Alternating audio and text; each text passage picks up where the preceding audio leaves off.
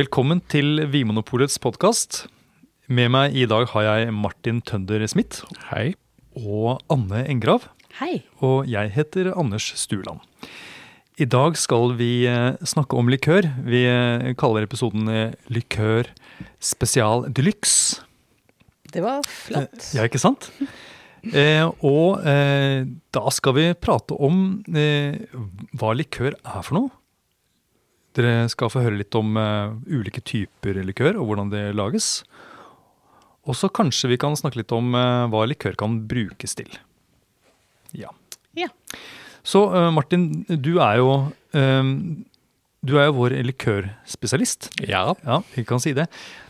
Eh, kan du kort bare forklare hva er likør? Likør er en blanding av alkohol, smak og sukker, kan man si. Ja. Um, ja. En, kanskje ikke den hellige treenighet, men det er i hvert fall det er eh, tre, Tre, tre ting må det være. Ja. Smak det ble jeg litt nysgjerrig på.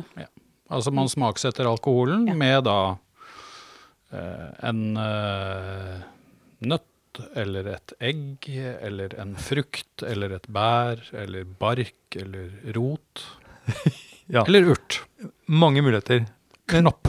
Men men dette med sukker, da. Jeg tenker, eh, Hvor mye sukker må det være?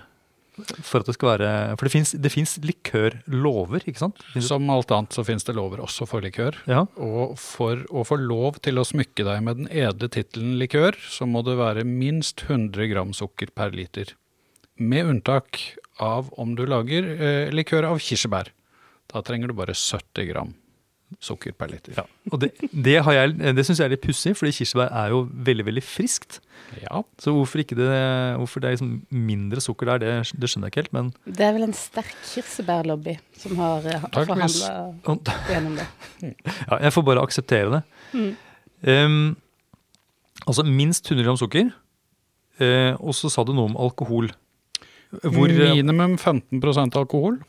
Så hvis du lager noe som da holder 14,9 og du har veldig lyst til å kalle det likør, så kan du ikke det. Men hvis en, for en, produsent, en vinprodusent lager en, en sterk vin Ja. på 15 for eksempel, Mm. og så blander de sukker, nok til 100, altså 100 gram sukker, er det, er det en likør da? Ja, det vil da også avhenge av hva produsenten velger å kalle det. For det vil også være med på å påvirke hvordan man plasserer det liksom i, i hvilken varegruppe du hører hjemme. Men øh, jeg tenker at det da er veldig nærliggende å kalle det for en likør. Så det må ikke være tilsatt alkohol, det må ikke være sånn nøytralt brennevin. Nei, altså Vermut er jo en varegruppe som ligger sånn i grenselandet mellom likør og, og sterkvin. Eller aromatisert vin, da. Eh, fordi at den har, en vermut har som regel mer enn 100 gram sukker per liter. Nettopp. Ja, ok. Men allikevel så havner den da i vermut-klassen. Ja. Jeg trodde det at eh, likør var liksom en litt sånn klar og tydelig gruppe med sånne mm, rare farger. Den er stor og utydelig. og, og litt sånn klissete, klissete smak. Men, ja, det også. ja, men det er tydeligvis mer. Det er liksom sirkushylla på polet. Det er mye flott der. Det er sånn tivoli det. Det er jo, det er jo liksom eh, Det er der vi, eh, vi fremdeles ser eh, det som var stort på 60- og 70-tallet. Er Men som sluttet å være stort på 60- og 70-tallet. For det ser fremdeles altså, Det var da de også sluttet å endre på etiketter og innpakning. Så ja. det har gjerne en sånn Det, det, det toppa seg da liksom i diskoæraen en eller annen gang. Og så ble det der.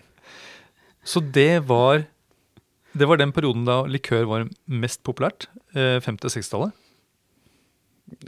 Vanskelig å si mest populært, fordi at eh, det, det avhenger av type igjen.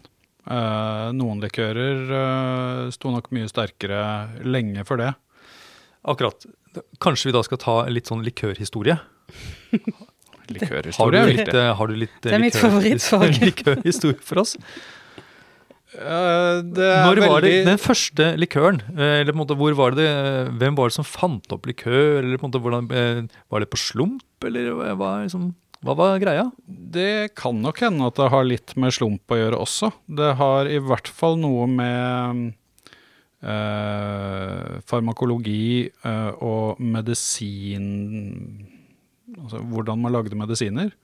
Eh, det har noen røtter fra alkymi, eh, hvor man tenkte at man man tok på en måte kvintessensen av noe, og så, lagde, så trakk man ut egenskapen av en råvare. Uh, og brukte da i dette tilfellet alkohol for å trekke ut egenskapen av en råvare, og så gjorde det uh, at denne Altså virkestoffene fra råvaren da ble eh, tilgjengelig da, gjennom, gjennom, alkohol. Så man brukte disse eliksirene som en slags sånn uh, En medisin som kurerte alle Kunne kurere alle sykdommer. Um, og det igjen er jo noe som vi ser fremdeles gjøres i dag gjennom en del urtelikører, først og fremst, som fremdeles lages på klostre rundt i Europa spesielt. da. Så det var likører som opprinnelig ble laget som medisin, først Ja. og fremst, eh, og ikke som et, eh, noe du tok til kaffen. Nei, og der har du en, en, en, en, en felles eh, start på alt av aromatisert brennevin. Om det er likør eller bitter eller hva for noe det er, så, så begynner det på en måte med, det, med den medisinale bruken. da. Nettopp. Og så på et eller annet tidspunkt så begynner man å eh, tilsette sukker for å gjøre det lettere å drikke. Og ikke bare ta, innta som medisin. Og det må jo da ha vært etter man fikk sukker tilgjengelig, på en måte. Det Så- høres veldig logisk ut. så det var etter Columbus. Nettopp. Da Mm. kom sukkeret. Sukkeret kom med Columbus. Ja, eller Litt i, etterkant, ja. men Og, og, hvilk, og da, det er jo noen europeiske land da, som eh, hadde tilgang til mer sukker enn andre. Fordi de hadde kolonier, blant annet. Var det ikke det? Mm. Ja. Så Nederland, for eksempel, eh, var de Ja, de var jo store, for de hadde jo da nederlandsk Guyana. Uh, som er uh, eh, det vi i dag kjenner som Demerara. Altså området Demerara, som er veldig kjent for sukkeret sitt. Det var jo en nederlandskoloni, blant annet. Uh, sukkerrøret kom jo til Karibien med spanjolene i 1515. Sånn at uh, det henger jo veldig sammen med måtte, europeernes kolonialisering av land i sør, egentlig. Dette med ut, utbred, uh, spredningen av sukker og, og bruk av det i, i, og foredlingen av det da, i Europa. Mm. ja, For jeg har lagt merke til at det er jo mange Det fins en del nederlandsk likør. Mm. Det er de gode, gode til. De har Kom, likør i kommer dere på noe annet, eh, noen andre nederlandske produkter? En likør? Bortsett, bortsett fra likør? ost. Nederlandsk ost? Ja. Ja, hvilken da? Edamer. Gouda. Å. Å ja. Ja, nettopp. Og, Ja, og er, tulipaner. ja, det er sant. Men sånn drikkelig eh, Og tresko. Ja. Ja. Og likør. Og likør. Genever. Ja, ok. Ja, de har, de har mer enn likør, altså. En rik kultur. Ja. ja nei, fordi eh, Det var eh, Ja. Jeg bare tenkte når du sa at likør og, og jeg Ja. må også skyte inn, siden vi snakker om Nederland. Ordet brennevin stammer jo også fra nederlandsk. Brandwein, mm. hvor de Det var nederlenderne som begynte å destillere i konjakk. Eh, for å minske vekten på det de frakta med skip til eh, havnene sine. Og så skulle de da tilsette vann igjen til den brente vinen da den ankom havn i Nederland. Kjempesmart. Litt sånn som når eh, man lager da appelsinkonsentrat nå. Ja. Og så frakter man over, og så Så putter man, vips blir det jus. putter man vannet tilbake, og så blir det jus. Ja. Mm. Eh, for når du sa, når du sa dette i stad om at eh, likør opprinnelig var medisin, så tenkte jeg eh, hva var det bananlikøren Hva var det de trodde bananlikør skulle kurere? Tungsinn, kanskje? Kanskje, ja. Eller var det sånn at bananlikøren kom litt etter eh, denne bølgen med urtelikør? Er det en litt mer moderne likør? Jeg, jeg tror jo at vi i dag ser på veldig mye av disse produktene som liksom utskjelte og, og udrikkelige. Men på et eller annet tidspunkt så var det varer som var så attraktive. Altså, det var bare de rikeste kanskje da, som hadde råd til bananer. Eh, Men så var det noen eh, snille nederlendere som lagde likør med banansmak. Så kunne man liksom flåtse litt med noe man egentlig ikke hadde råd til. Ja, det er jo veldig eksotisk. Ja, det er sånn. En annen sånn historie som jeg ikke helt vet om er sann, men som jeg har lest flere steder, er jo da uh, um, um, En veldig kjent eggelikør har eh, navnet sitt fra at uh, likøren før ble lagd med avokado, men man hadde ikke avokado i Europa, så man erstatta den med egg. Men ingen visste hva avokado var uansett. Man hadde smakt noe i utlandet som var Som minnet om egg. Ja, jeg vet ikke helt det. Men, i hvert fall så var det laget Det var en slags avokadolikør. Og så hadde de ikke avokado i Europa, så da brukte de egg istedenfor. Og så ble det til egglikør. Og ja, Så en klassiker er født. ikke sant? det, eh, det er en morsom historie. Det er en morsom Ja. historie. Og jeg har aldri sett om den er sånn. Jeg har aldri sett en matoppskrift hvor det står Har du ikke avokado, så kan du bruke egg. Kan prøve. Men vi, eh, vi må rett og slett innom noen sånne klassiske eh, likørstiler. Hva er det eh, eh, vi kan velge i hvis vi står foran likørhylla? Hvis vi skal ta utgangspunkt i vår inndeling eh, i Vinmopolet, så er det nøtter, nøtte- og kaffelikører. Og så er det eh, bær- og fruktlikører. Og så er det kremlikører. Og så er det urtelikører. Uh, og så er det andre likører. Ah, Andre likører, ja. Og det er det som da ikke passer inn noe annet sted. Nei, nettopp.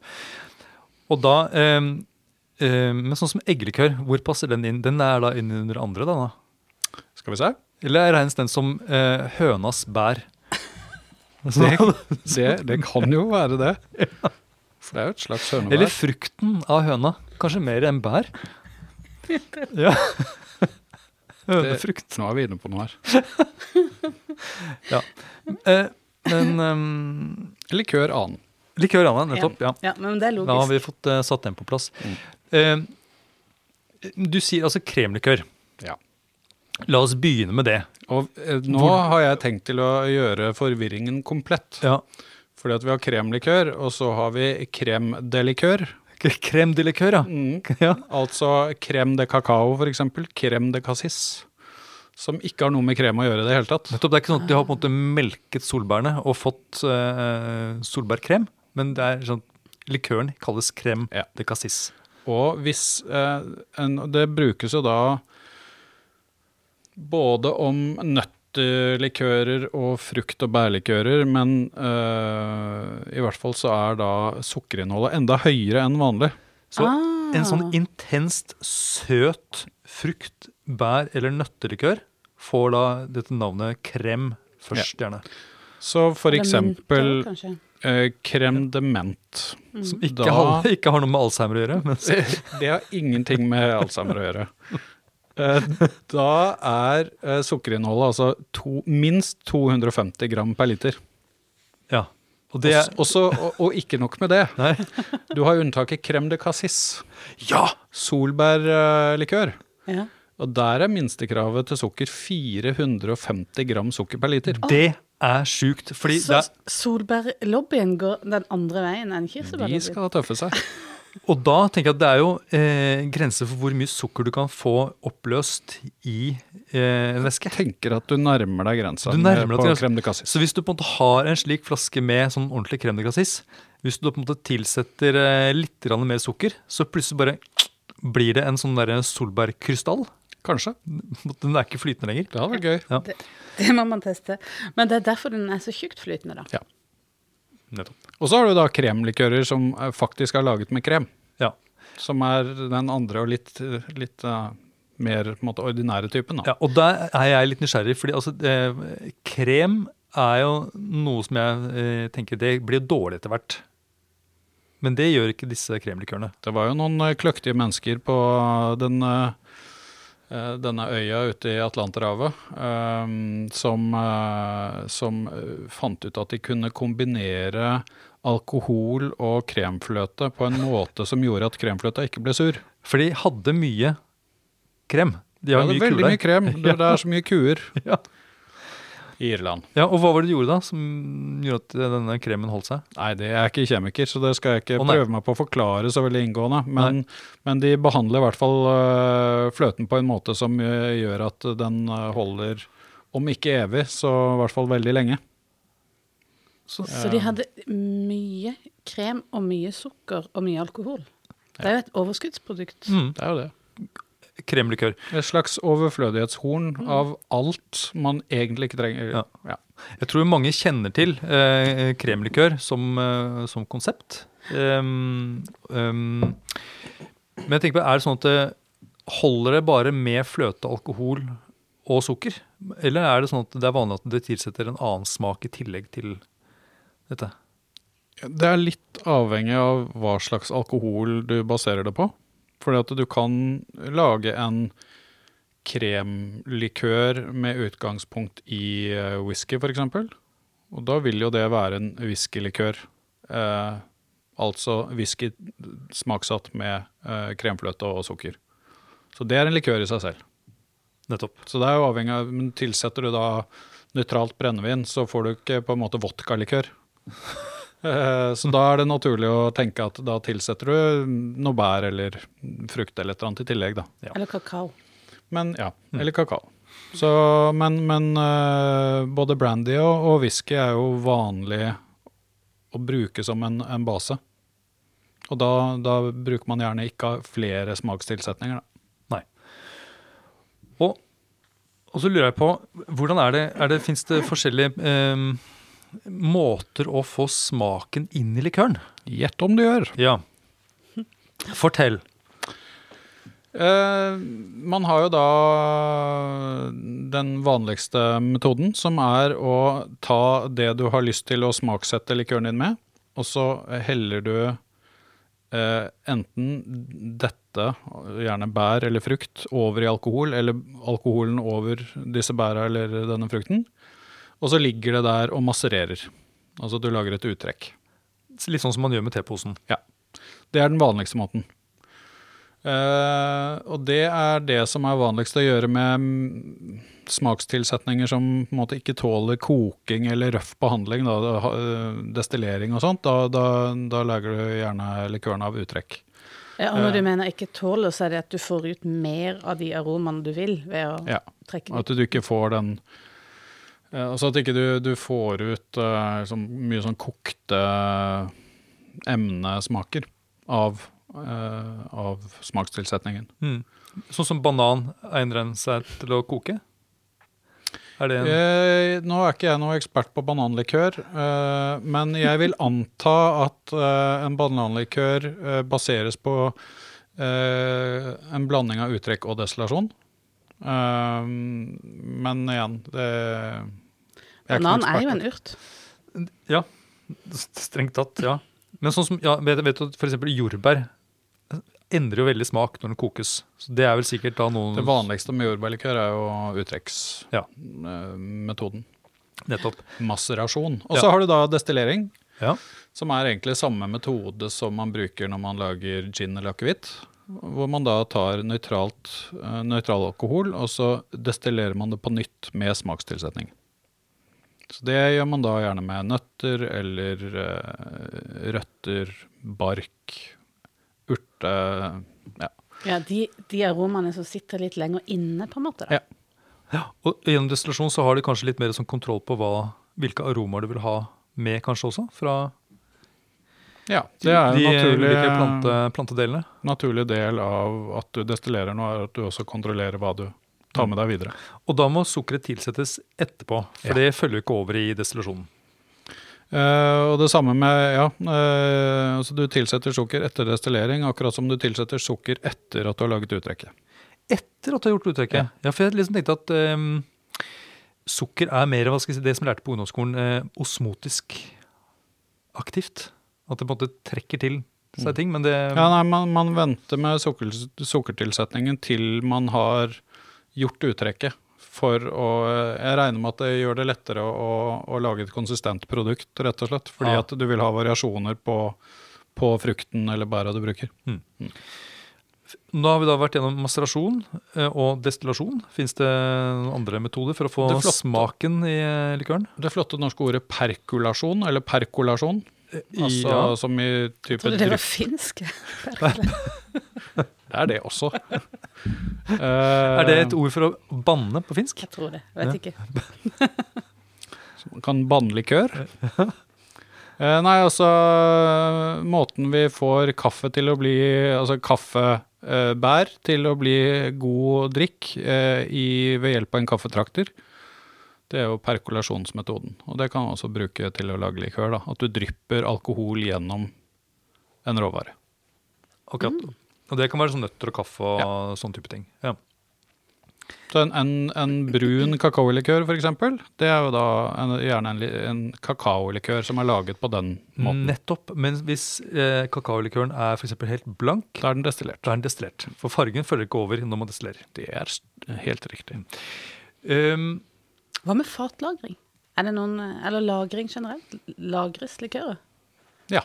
Mange likører lagres.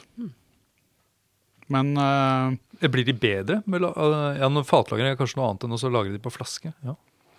eh, det er nok en tanke om at uh, hvis du lager en urtelikør f.eks. med mange forskjellige smakstilsetninger, sånn at du rett og slett Produktet trenger litt tid for å bli homogent, så bruker man gjerne enten store eikeliggere eller mindre eikefat. da. Mm. Så det er jo noen, noen av de kjente likørene som gjerne ligger både ett og to og tre år på fat før det tappes på flaske. Er det noen likører der det ikke brukes naturlige råvarer?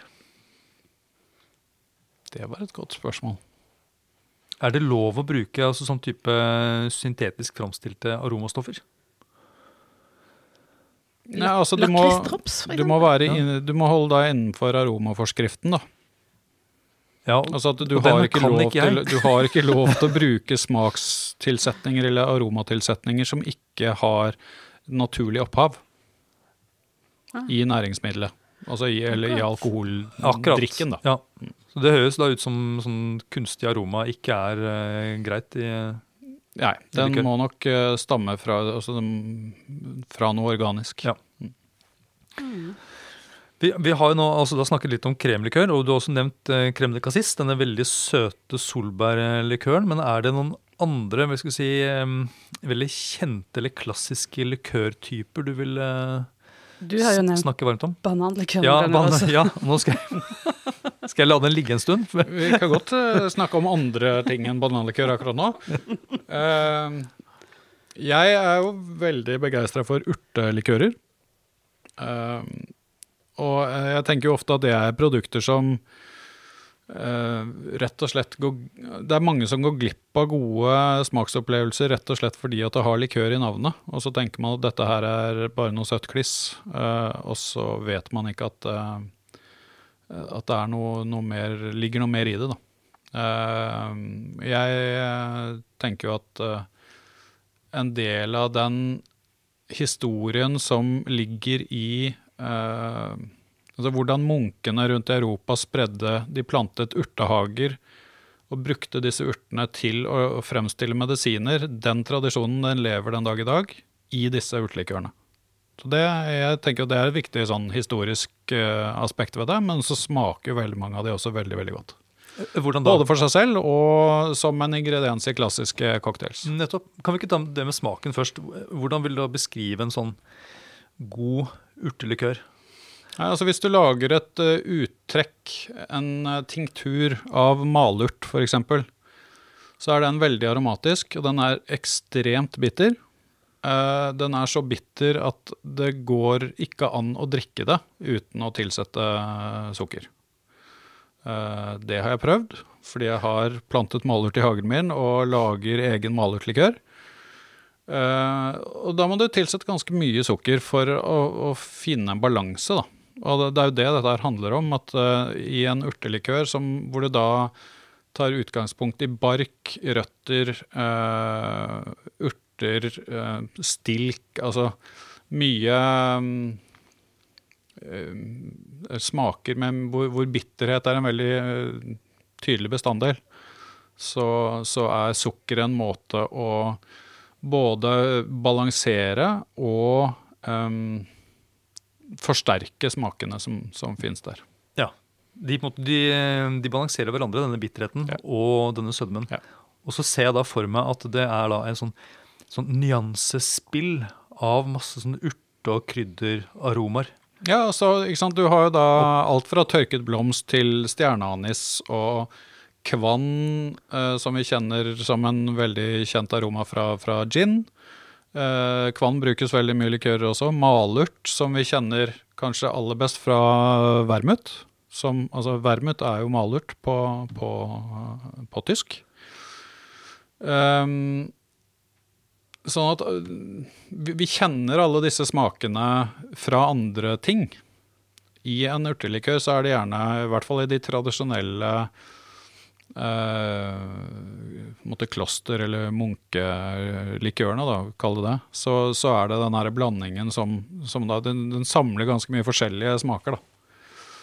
Eh, Ja, for det er litt interessant. Sånne botaniske drikker, de er jo veldig Hva skal man si? Populære for tida. Det, blir, det er mye spennende som skjer, og det er mange som har oppdaga de kvalitetene. Så kanskje likør har kommet litt i At man har glemt likør. Det er jo også et botanisk drikke.